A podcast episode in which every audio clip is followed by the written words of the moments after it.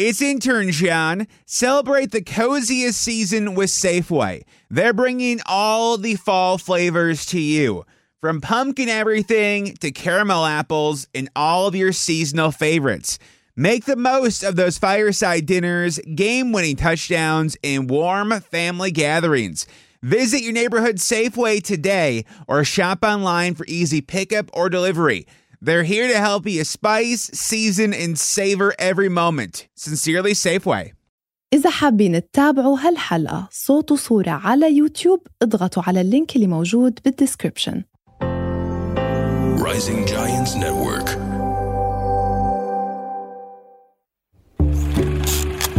Roll sound. Action. حلقة جديدة من بودكاست أحاديث بتشبهنا بقدم لكم إياها أنا دانا أبو لبن بحلقة اليوم رح نحكي من وحي واحد من أهم أفلام سنة 2010 أه، فيلم كوميدي له كمان طابع درامي من بطولة النجم المحبوب جدا جدا جدا أحمد حلمي. فيلم عسل أسود. مين منا ما حضره أو شافه أو على الأقل بعرف بعض من إفيهات هالفيلم اللي صارت جزء من ال pop culture مش فقط بمصر ولكن بمعظم البلاد العربية. هالفيلم بيحكي قصة كتير حلوة بيحكي قصة شاب اسمه مصري سيد العربي. بيترك مصر بطفولته وبيعيش معظم حياته بأمريكا ولكن بعد ما يغادروا أهله الحياة بقرر إنه يرجع ويستقر بمصر. وهون بتبدأ المفارقات لما يرجع مصري الأمريكي على مصر.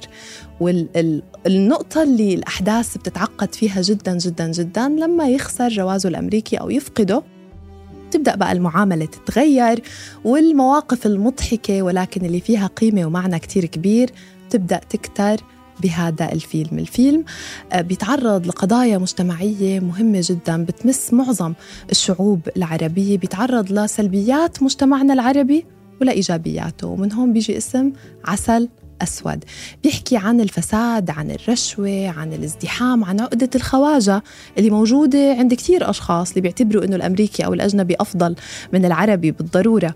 لكن أيضا بيطلع على الدفى وحب العيلة ونصرة المظلوم والنخوة اللي موجودة عند الشعوب العربية. الفيلم حقق نجاح جماهيري كبير جدا جمع أكثر من 19 مليون دولار بست أسابيع بمصر واكتسح أفلام أخرى تانية منافسة وقوية أيضا كانت موجودة على الساحة ولكن بالنسبة للنقاد يعني انقسموا لجزئين بنقدر نقول. جزء من النقاد اعتبر إنه بيضوي على السلبيات وهيك ممكن يشوه سمعة البلد أو أهل البلد. ولكن النص الثاني اعتبر إنه واقعي ومهم وضروري جدا إنه هيك رسائل توصل ولو بطابع كوميدي وخفيف.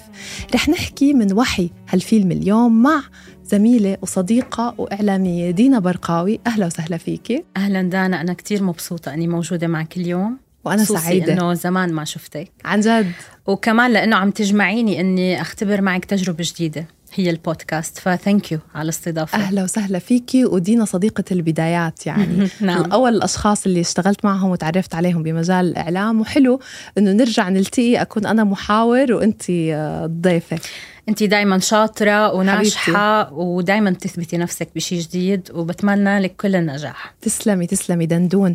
آه بداية لما كنا أنا وياكي عم نحكي وعم نختار شو الموضوع اللي حابين نحكي عنه ذكرتي فيلم عسل أسود وإنك كتير بتحبيه. فرجعي لنا هيك بالذاكرة لما حضرتي الفيلم شو اللي حبيتي فيه وليه وقع اختيارك عليه؟ اختياري للفيلم كان بناء على الشيء اللي أثر فيي لما حضرت الفيلم مم. والمشاعر يلي إجتني يلي لبعد سنين طويلة. أنت عم تحكي إنه الفيلم كان ب 2010 عم نحكي عن 12 سنة. أنا ما نسيت الفيلم مع إنه مم. أنا عندي مشكلة كتير كبيرة بإني بحضر الأفلام وبأغلب الوقت تنسيها. بنساها للأفلام. لكن لما سألتيني عن فيلمي المفضل وقع اختياري على عسل أسود مثل ما بيقولوا إخواننا المصريين عسل أسود. للشيء اللي أثر فيي لما حضرت الفيلم. مثل ما قلتي بالمقدمة هو خلط بين الكوميديا وبين واقع قد يكون مرير وأسود ببعض الأحيان وبيحيي فينا مشاعر يمكن نحن يلي عايشين بعيد بعاد عن بلادنا بنحس فيها أكتر من شخص آه، عايش ببلده طول آه، عمره. صح. فلهيك اخترت الفيلم لأنه فعلا وصل رسالة كتير قوية. وحبيت كتير يمكن من المشاهد اللي أنا بتذكرها لما كان أحمد حلمي على الطيارة أها. راجع على أمريكا وخلص فقد الأمل بأنه يعيش بمصر بالطريقة اللي هو حاب يعيش فيها ولكن فجأة بيقرر أنه هو يلف ويرجع يرجع مهم. بتحسي واقعي الإشي اللي عمله؟ شوفي هلأ هي النهاية كانت سعيدة ويمكن الجمهور بحب يشوف نهايات سعيدة آه، وبنتمنى إنها تكون واقعية وهي بتعكس الواقع إلى حد ما لأنه إحنا دائما بنسمع أهلنا بيقولوا إحنا آخرنا نرجع على بلادنا صح ولا لا؟ صح. فهذا شيء حلو إنه عن جد الإنسان قد ما تغرب عشان مم. يحقق طموحاته أو يعمل شيء يمكن للأسف هو مش قادر يعمله ببلده لكن بعد ما ينجح ويقدر يوصل لمكان معين إنه يقدر يرجع على بلده ويستثمر النجاحات اللي وصلها ببلده. صح. بدي أروح هلأ من أحمد حلمي. أو مصري سيد العربي لدينا برقاوي. نرجع هيك بقصتك شوي. أنت قد إيه صار لك متغربة بالإمارات بما إنه عم نحكي عن الغربة؟ آه، قد إيه صار لك بعيدة عن بلدك؟ أنا بالأساس من قبل الإمارات أنا من مواليد الكويت. انولدت بالكويت طلعنا من الكويت بسنة التسعين وقت الحرب. Okay. رحنا وقتها عشنا ست سنين بالأردن. فحتى السنين اللي قضيتها بالأردن كمعيشة كنت أنا بعمر صغير يعني مم. آه، ما بتذكر منها كتير شيء آه، كبير يمكن أثر بحياتي. لكن أنا الجزء الأكبر من حياتي وترعرعت بدولة الإمارات. جيت هون كان عمري عشر سنين ولهلأ أنا عمري 36 سنة. يعني صار. لي تسلمي. صار لي 26 سنة بالإمارات. مم.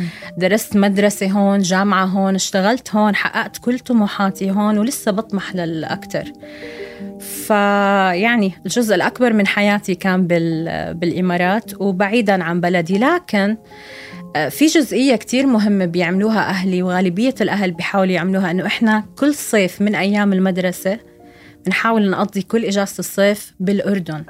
لحتى يضل عنا هذا الارتباط آه، مع بلدنا. وهو شعور كتير حلو. يعني كنا نستنى باليوم إمتى تيجي اللحظة يلي ننزل فيها على الأردن عشان نحس بهذا الشعور إنه أنا في بلدي بين ناسي. ناس مم. كلهم بيحكوا نفس لهجتي. كلهم عندهم نفس العادات نفس طريقة التفكير. صح. أنا دايما بقول آه، لكل حدا إنه بحب أنزل على عمان عشان أقعد بكوفي شوب. أها. وأسمع كل الناس بيحكوا نفس اللهجة. نفس اللهجة. قد إيه شيء بسيط بس بتحسي حالك هيك إنه بالالمنت تبعك أو مرتاحة بيعطيكي شعور بالسعادة لأنك محاطة بناس يمكن. بيشبهوكي. صح. فهاي يمكن من صعوبات الغربة ولكن إلها كتير إيجابيات. أكيد. يعني حتى الناس اللي بأمريكا أو بأوروبا وإحنا هون بالإمارات أول شيء ببلد عربي يعني بين أهلنا وناسنا ولكن كمان بالإمارات بالذات بدبي. بتتعرفي على جنسيات نعم. كتير فخبريني كيف تجربتك بالعيشة هون بالتعامل مع جنسيات مختلفة سواء عرب وأجانب أكيد مثل ما ذكرتي دانا ال- الغربة مم. عقد ما هي ممكن يكون فيها جانب صعب لكن أنا بشوف إنه الجانب الأكبر منها هو جانب إيجازي إيجابي عفوا بتكوين شخصية الإنسان والتجربة الغرفة طب الغربة عفوا تختلف طبعا من شخص إلى آخر يعني الشخص اللي بيتغرب على كبر لحاله عشان يدرس أو يشتغل غير عن الشخص اللي بيتغرب بعمر صغير وبيكون بحضن. أهله برضه. في هاي الغربة هي صح. تجربة مختلفة تماما يعني يمكن تجربة أهالينا اللي إجوا على الإمارات آه، غير عن تجربتنا لأنه أصعب. هم عاشوا وانولدوا ببلدهم صح. ورجعوا إجوا على كبر. بدي أحكي عن تجربتك أنت كيف هيك مفهومك عن الغربة من عيشتك هون؟ شو المفهوم اللي كونتيه عنها؟ أنا كتير ممتنة لهاي الغربة صراحة اللي أنا فيها خاصة إنه بدولة الإمارات. يعني مثل ما أنت قلتي بد- بدولة عربية هذا أولا. آه، قد ما كان في اختلاف بالعادات والتقاليد لكن إحنا كلنا عرب بالنهاية الأساس هو واحد. صح. آه، الغربة بالبلاد الأجنبية أنا بكرهها يعني ما بعرف صراحة كيف الناس أكيد في ناس بتضطر لكن ما بعرف كيف بيقدر حدا إنه يعيش ببلد ما بتتخيلي. حالك تعيشي برا. ابدا وقد يكون إجاني فرص بطريقة أو بأخرى للعمل ببلاد أجنبية برفض تماما. بدون حتى ما أناقش بالتفاصيل مم. أو إني أدور على شيء ممكن يشجعني إني أتغرب ليه شو الإشي اللي رح آه تفتقديه ما بقدر يعني خلص أنا كتير عندي انتماء لل... للعروبة لأي شيء عربي مم. للبلاد العربية عاداتنا تقاليدنا هذا الشيء كتير بحسسني بالسعادة والأمان واو. يعني عندي البلاد الأجنبية ممكن أروح زيارة حتى على فكرة لما أطلع مثلا على يوروب إجازة مع صحباتي على ثالث يوم بصير بدي أرجع مم. يعني هذا آخري ثلاث أربع أيام بحس إنه أنا مش في مكاني ما بتشبهني. ما بترتاح ما بتشبهني البلاد الأجنبية. لكن دولة الإمارات آه، مثل ما ذكرتي فيها كتير جنسيات. هذا الشيء موضوع الغربة بيساعد كتير بتكوين شخصية الإنسان بأنه يكون أكثر انفتاحا أكثر تقبل للآخر.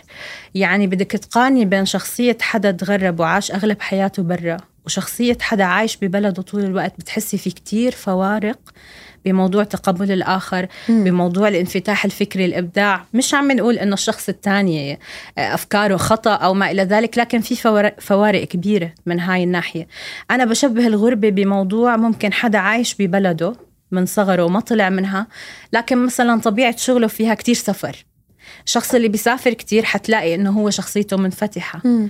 طريقة تفكيره منفتحة أكثر على العالم الخارجي وفي تقبل للثقافات أكثر بس تكوين الهوية بالغربة صعب. يعني بالقصة أحمد حلمي هو تقريبا تربى برا مصر. فلما رجع على مصر جزء من اللوم بيقع عليه لأنه عنده صورة يعني دائما الصورة بتكون هيك فيها كتير من التجميل يمكن للواقع. وردية آه. آه لأنه أنت بعيدة فبتشوفي كل شيء حلو. هويته كان عنده شوية صراع هوية. هل هو مصري؟ هل هو أمريكي؟ فنحن يعني أنا حكي لك عن تجربتي الخاصة. أنا كمان مواليد الإمارات. بس بحس حالي كتير بلست إنه عندي صورة واضحة عن هويتي. هذا الإشي زي ما قلتي بالأول الأهل بيلعبوا دور كتير كبير طبعاً. فيه إنهم يزرعوا فيك إنه أنت مين وأنت من وين. بنفس الوقت تحب المكان اللي أنت فيه والناس اللي أنت معاشرهم وتتعلم لهجات كتير. قد إيه هذا الإشي حلو يعني. أنت بتصيري بتحكي مصري وسوري ولبناني أكيد. وإماراتي. حتى لغات كمان. آه. مهم. فما لاحظت إنه عندي هذا الصراع كتير بس بلاحظه عند كتير من الجيل الجديد. مهم. فبما إنه تجربتنا متشابهة دينا إنه إحنا انولدنا وتربينا برا بلدنا بدي أعرف أنت كيف قدرتي تكوني هاي الصورة عن هويتك؟ أنت مين ومن وين؟ طبعا موضوع الأهل أساسي بهذا الموضوع. آه يعني الأهل لما يضلوا يحكوا دائما مع أبنائهم عن قصص عن بلادهم تحديدا هون بدنا نحكي عن فلسطين والأردن بما أني أنا فلسطينية أردنية. لما نضل قاعدين مع أهلنا مع الأب مع الأم مع الجد أو الجدة يقولوا لك عن قصصهم زمان قصص كانت تصير. معهم ببلادهم.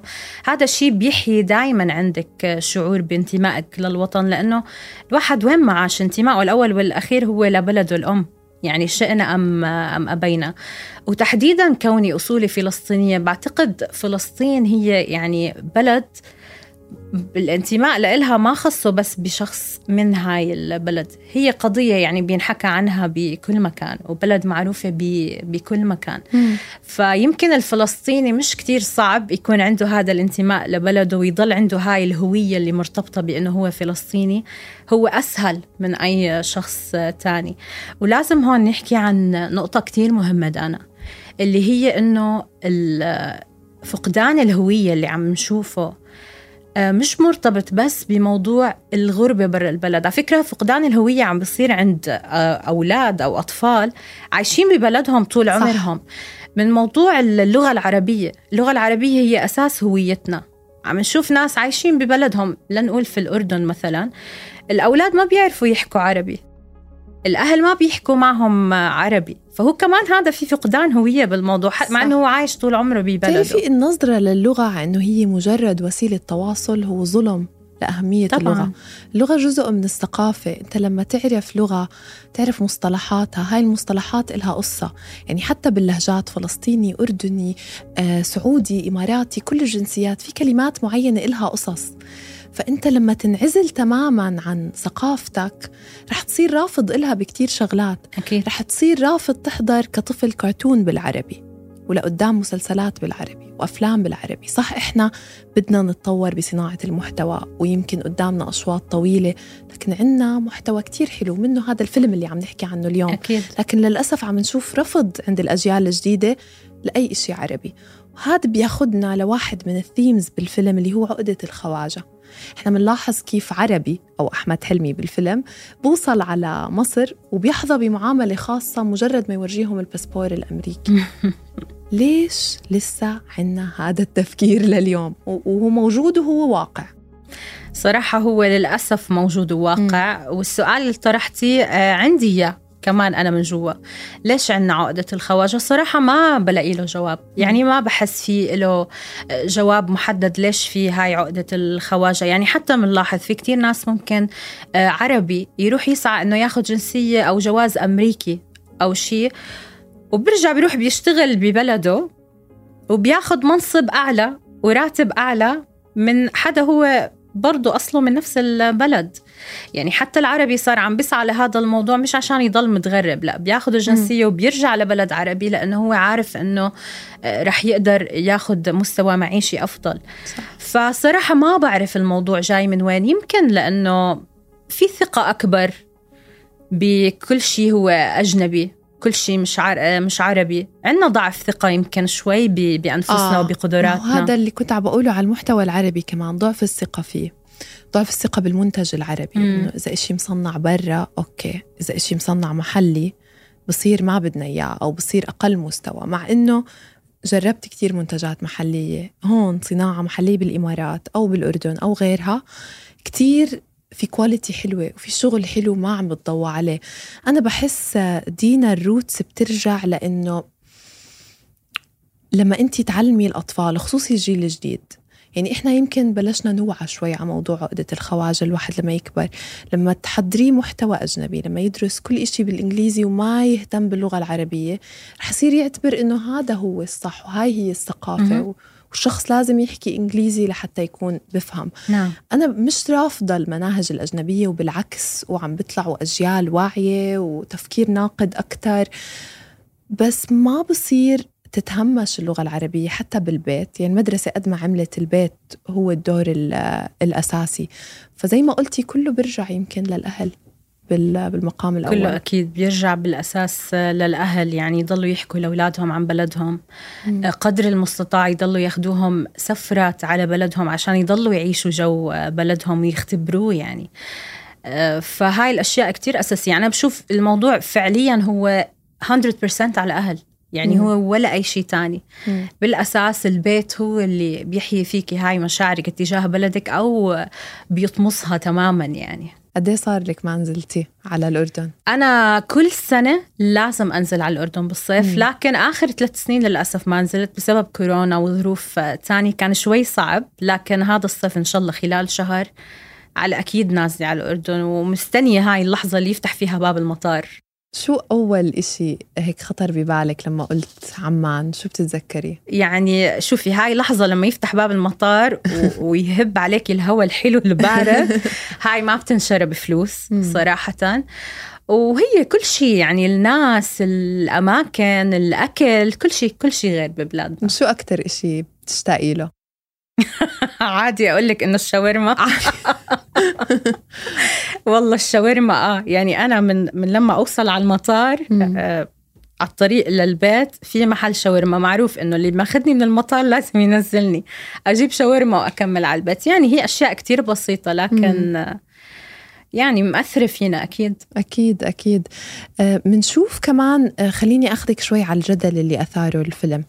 فكرة إنه الدراما أو السينما برغم إنها بتورجي مرات جوانب منيحة ببلادنا مرات بتركز على السلبيات. هلأ هو النقد اللي أخده عسل أسود إنه حكى عن سلبيات بتصير بالمجتمع المصري والعربي بشكل عام يعني. آه، بنشوف بالفيلم الفساد الرشوة المحسوبية عقدة الخواجة آه، مشاكل بالتعليم تلوث المي. بقالب كوميدي وبضحك بس إنه بورجانا هاي السلبيات بتحسي إنه لازم نلوم الدراما إنه ليه عم بتورجوا السلبي ولا مهم؟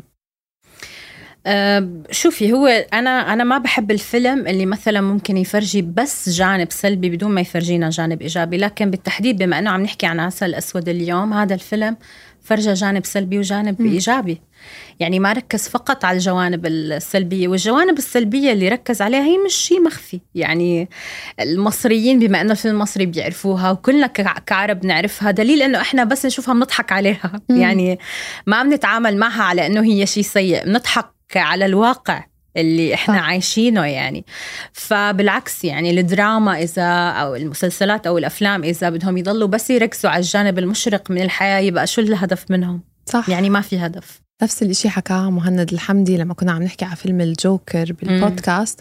وحكى لي إنه إذا بس حكينا على الإيجابي وغمضنا عيوننا على السلبيات اللي بمجتمعاتنا كيف رح نبدأ نصلحها أساسا إذا طبعاً. مش معترفين طبعا مش معترفين بوجودها في مشهد معين بالفيلم بتتذكريه أو إفيه شوفي هم أكثر من مشهد آه. أثروا فيي قولي بس عنهم. آه، في مشهد اللي لما تجمعوا كلهم ليلة العيد يعملوا كعك العيد وهيك هاي المشاعر اللي مم. إحنا نفسنا مفتقدينها يعني قد ما الأهل يحاولوا يعملوا لنا هذا الجو بالبيت ماما بتقوم ليلة العيد وبتعمل معمول وكذا الجو حلو بس هو لا يقارن بلما تكوني متجمعة جمعة أهل كبيرة ليلة. العيد في بلدك والكل موجودين وهيك فهذا المشهد كتير أثر فيي لأنه شيء أنا صراحة شخصياً آه مفتقديته آه، كتير والمشهد ال- ال- النهاية كمان مم. لما رجع يعني حسيت إنه الجملة اللي أنا بسمعها دائما من أهلي إنه آخرنا نرجع لبلادنا حسيت إني أنا شفتها قدامي آه آه. أكيد كل كل شخص بيطمح إنه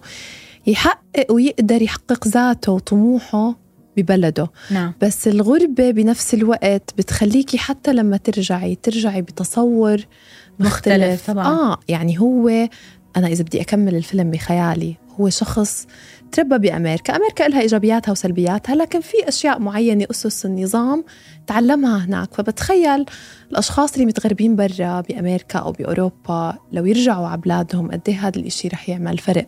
رح يحسن. لأنه هالشخص رح يكون عم بتصرف بالشيء اللي هو تتأسس عليه بالبلاد البرة. عم نحكي عن الجوانب الإيجابية. رح ينقلها لمحيطه ببلده لما يرجع. إذا تزوج وجاب له أولاد حيأثر بتربايته حتكون مختلفة. أولاده حيأثروا بأصحابهم. فبصير في عدوى إيجابية من هاي ال- الناحية. فيعني حبيت حبيت انت على فكرة كيف طلعتي على الفيلم من ناحية إيجابية مم. وكملتيه يعني أضفتي إضافة كملتيه بمخك آه وتخيلت إنه مش بس هو ناس تانيين كمان رجعوا مم. بتفكري ترجعي بيوم دينا؟ بيوم أكيد بس مش يوم قريب ابدا ليه؟ مش قريب ابدا لأنه ع- يعني نحن هلأ عايشين بمكان مم. موفر لنا كل السبل عشان ننجح ونحقق طموحاتنا ونعيش بأمان وبسعادة وبخير وبرفاهية. يعني أنا دانا عندي أصحاب كانوا عايشين بالإمارات ومواليد الإمارات بعرفهم من زمان. مؤخرا مثلا اضطروا يروحوا لبلاد غربية يا أما بهدف العمل أو زواج حدا تزوج وطلع. تغرب أو يعني لمختلف الأسباب. الكل عنده نفس ردة الفعل اللي هو أوكي في إيجابيات بالعيشة برا ولكن ما في شيء مثل العيشة في الإمارات. إحنا ما عم نلاقي نفس مستوى الرفاهية ما عم نحس بالأمان اللي عم نحسه. الحياة مش سهلة الحياة كتير صعبة. فاني أرجع على بلدي بوقت قريب بحس كتير صعب. طبعا يعني الله أعلم شو كاتب لي. يمكن الدنيا. بعد أسبوع يصير معي شيء أضطر أرجع على بلدي. لكن إنه أنا أقرر إني أرجع مش وارد ابدا بأي وقت قريب. بفضل إني أضل بالإمارات وما أعيش ولا بأي بلد تاني غير الإمارات. و يعني أنا عندي هيك شوي فلسفة خاصة بالموضوع. مم. بحس الواحد بيقدر يصنع وطنه وين ما كان. صح. بتفاصيل صغيرة بالبيت. يعني أنا عندي بالبيت في كتير أشياء وديكورات ومرات لوحات صغيرة souvenirs سواء من الأردن أو من فلسطين. بتحسسني هيك بس أطلع على الحيط. أنا بحب لما أروح بقعد على الكنباي هيك عندي عشر دقايق صمت. منيح إذا بس عشر دقائق آه هدول صمت. بعدين برجع بكمل حياتي. بحب لما أطلع على الحيط أشوف آه. التطريز.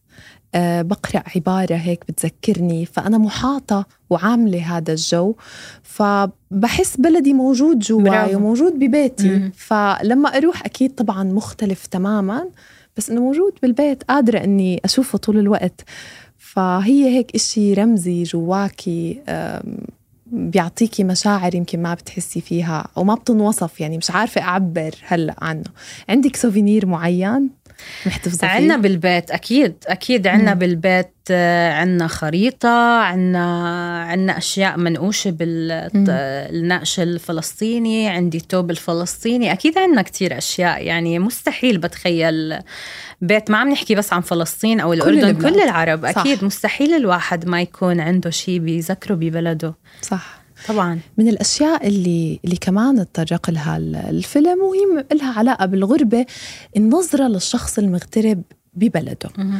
يعني عادة ومن بتصفح social media وبقابل ناس يعني لما أنزل على الأردن أو غيره بلاقي إنه في نظرة إنه آه المغترب اللي عايش خصوصي مثلا ممكن ببلاد الخليج يبقى هذا حياته بيرفكت ما عنده هموم.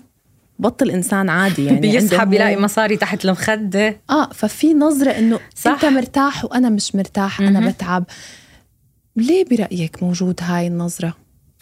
هل إحنا المغتربين سبب فيها؟ قد يكون بعض مم. المغتربين آه، سبب فيها لكن هي بتيجي من الأساس لأنه هم بينظروا أنه هذا الشخص ليش قرر يترك بلده ويروح على هذا المكان لأنه هذا المكان أحسن لأنه هذا المكان موفر له كل شيء. وليه هو صار له 10 و20 سنة برا بلده؟ معناها هو مبسوط. ومرتاح. هلأ أكيد نحن تغربنا لأنه رحنا على شيء آه، أفضل وشيء مرتاحين فيه أكتر من من كافة الجهات معنويا وماديا. لكن هذا لا يعني إنه إحنا حياتنا خالية من المشاكل لا ومش بس هيك. لا يعني إنه كل شيء تقدم لنا على طبق من فضة. أكيد لا. الإنسان بتعب بتعب بتعب لحتى يحقق طموحه لحتى يحقق ذاته.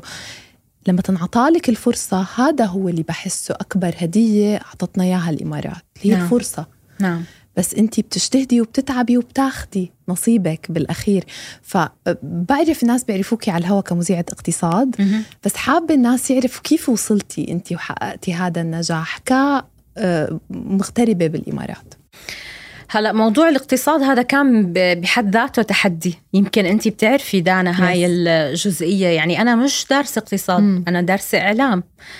فلما حكى معي صديق بتلفزيون دبي قال لي عم بدوروا على مراسلة اقتصاد. قلت له أنا ما خصني بالاقتصاد.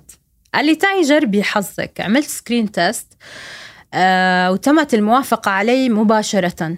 إنه هاي هي اللي عم ندور عليها إنه. عفوية كذا وما إلى ذلك إحنا بدنا شخص هيك كمراسل. آه قالوا لي وبنشتغل معك على موضوع الاقتصاد.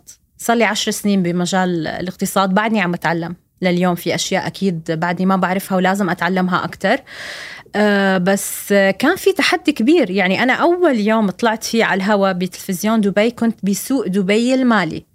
يعني كنت بأكتر شيء شائك بموضوع الاقتصاد. أنا ما عم بحكي عن أمور عامة بالاقتصاد عم بحكي عن أسهم عم بحكي عن تفاصيل التفاصيل. فكان تحدي كتير كبير بالنسبة لإلي واشتغلت على حالي كتير إني كنت أخلص هوا أقعد مع المحللين اللي موجودين بالسوق أسألهم عن كل صغيرة وكبيرة. قد تكون أسئلتي يمكن كانت ببعض الأحيان بالنسبة لهم سخيفة أو بديهية. لكن أنا في كتير أشياء ما كنت آه، على دراية فيها يعني. فتعلمت والحمد لله يعني بتمنى إنه بهالسنين أكون عم- عملت شيء قدرت أعمل شيء وإنه يكون بين الفرق كمان. شو أصعب إشي كان بالرحلة؟ يمكن هي أول نزلة على سوق. دبي المالي كان عندي كتير رهبة. كان عندي كتير خوف. هلأ كنت كتير دارسة منيح كنت كتير محضرة حالي منيح عارفة حالي شو رايحة أعمل وشو رايحة أحكي. لكن كان تحدي طبعا مم. كتير كبير بالنسبة لإلي. والاستمرارية كمان صح. كتير صعبة. تحديدا موضوع الاقتصاد. إحنا مذيعين الاقتصاد أقلية. مش بس بالعالم العربي في العالم كله. فالعين كتير عليكي. وتحديدا ال- اللي بيتابع الاقتصاد هم النخبة دانا. يعني اللي بيتابع الاقتصاد مش أي حدا مهتم يتابع رح الاقتصاد. يلاحظ أي ضعف رح أو يلاحظ جهل بالضبط. بموضوع. أي شيء سؤال خطأ آه، تعقيب خطأ على الضيف. صح. بعدين أنت بتستضيفي حدا كتير فهمان بشغله عم تستضيفي محللين. فإذا أنت ما كنتي على مستواهم هاي مشكلة كتير كتير كبيرة. كثير حبيت لما قلتي إنه أول مرة نزلتي على السوق سألتي أسئلة حتى لو كانت بديهية تذكرت جملة الله يذكره بالخير الأستاذ طلعت. I think بتعرفيه من أكيد NBC. أكيد مرة زميلي لإلي قالت لي إنه قدم لها هاي النصيحة أه. قالها إنه تبيني ما بتعرفي قدام شخص أحسن ما تبيني ما بتعرفي قدام الجمهور كامل على التلفزيون طبعاً. فمعلش نتواضع ونسأل الأسئلة so هلا رح أختم معك بأسئلة سريعة مهم. جاوبي بأول إشي بخطر ببالك كملي الجملة أكتر إشي بحبه بالأردن هو؟ هو إني بحس بين إني أنا بين أهلي وناسي. فلسطين هي؟ هي كل شيء بالحياة بالنسبة لإلي. أحلى ذكرى بعمان؟ أحلى ذكرى بعمان أيام الطفولة لما كنا ننزل بالصيف بإجازة الصيف ونلتقي بكل عمامنا واولاد عمنا اللي اللي متوزعين بكل بقاع الأرض. يعني هي المكان اللي بيجمعنا. تتذكري موقف معين أو مشهد معين بذاكرتك من طفولتك؟ هم، أوكي. آه، أكتر إشي بتشتاقي له بالأردن؟ هيك بخطر ببالك غير الشاورما. عرفنا إنك بتحبي الشاورما وكلنا بنحب الشاورما. بس هيك لما تشتاقي. شيء بشتاق له الجو صراحة. مم. الجو الجو بعمان آه، كتير حلو. فبشتاق للجو القعدة بدون تكييف تفتحي الشباك تهب عليكي نسمة هواء حلوة. يعني هاي لحالها بتنشرب بتنشرب فلوس. أحلى ذكرى بالإمارات؟ أحلى ذكرى بالإمارات آه، أي شيء صراحة مرتبط بنجاحي أي شيء حسسني إني أنا شخص قادر إنه يعمل شيء هو ذكرى كتير حلوة بالإمارات. الوطن بالنسبة لدينا هو؟ فلسطين. بس شو بيعني لك الوطن؟ شوفي موضوع فلسطين يعني هي وطننا الأساسي. يعني شو بيعني لي الوطن كل الناس رح يحكوا أكيد الأمان وما إلى ذلك. يعني يمكن إحنا مش كتير حاسين بهذا الشعور. لكن آه، الوطن يعني هو شيء دايما آه، بيعطيكي قوة. مجرد تفكري فيه بيعطيكي بيعطيكي قوة إنك تستمري. حلو. الغربة بالنسبة لإلك هي؟ تجربة كتير حلوة. كتير استفدت منها وبتمنى إنها تكمل على خير وتوصلني لشي كتير حلو. أكتر إنجاز بتفتخري إنك حققتيه بالغربة؟ العمل. العمل. إني قدرت يعني أنا موضوع الإعلام كان حلم الطفولة وقدرت إني أحققه وشغلي بمجال الاقتصاد. هذا بالنسبة لي إنجاز كتير مهم حققته بالغربة. حلو كتير شكرا دينا على وجودك شكرا لك معنا. دانا شكرا لأنك شاركتي مشاعر حقيقية وإن شاء الله تكون وصلت الفكرة ال- ترجمتنا نحن ترجمنا الفيلم على طريقتنا وإحنا كيف فسرناه والفيلم كتير كوميدي وكتير light بس تعمقنا إحنا زيادة. احضروا الفيلم لأنه بيحكي عن أشياء حلوة بطريق بأسلوب كوميدي حلو. حتى لو حضرتوه ارجعوا احضروا يعني أنا رجعت حضرت شوي منه نعم. لما قررنا عليه. مم. وعن جد هيك بيحسسك بمشاعر حلوة. يعني كل حدا هو عن مصر بس بخلي كل حدا يتخيل بلده. صح. إن شاء الله يا رب كل أوطاننا تبقى بخير. يا رب. كل وطننا العربي ولكل حدا عم بسمعنا وبشوفنا بالوطن العربي. شكرا لكم.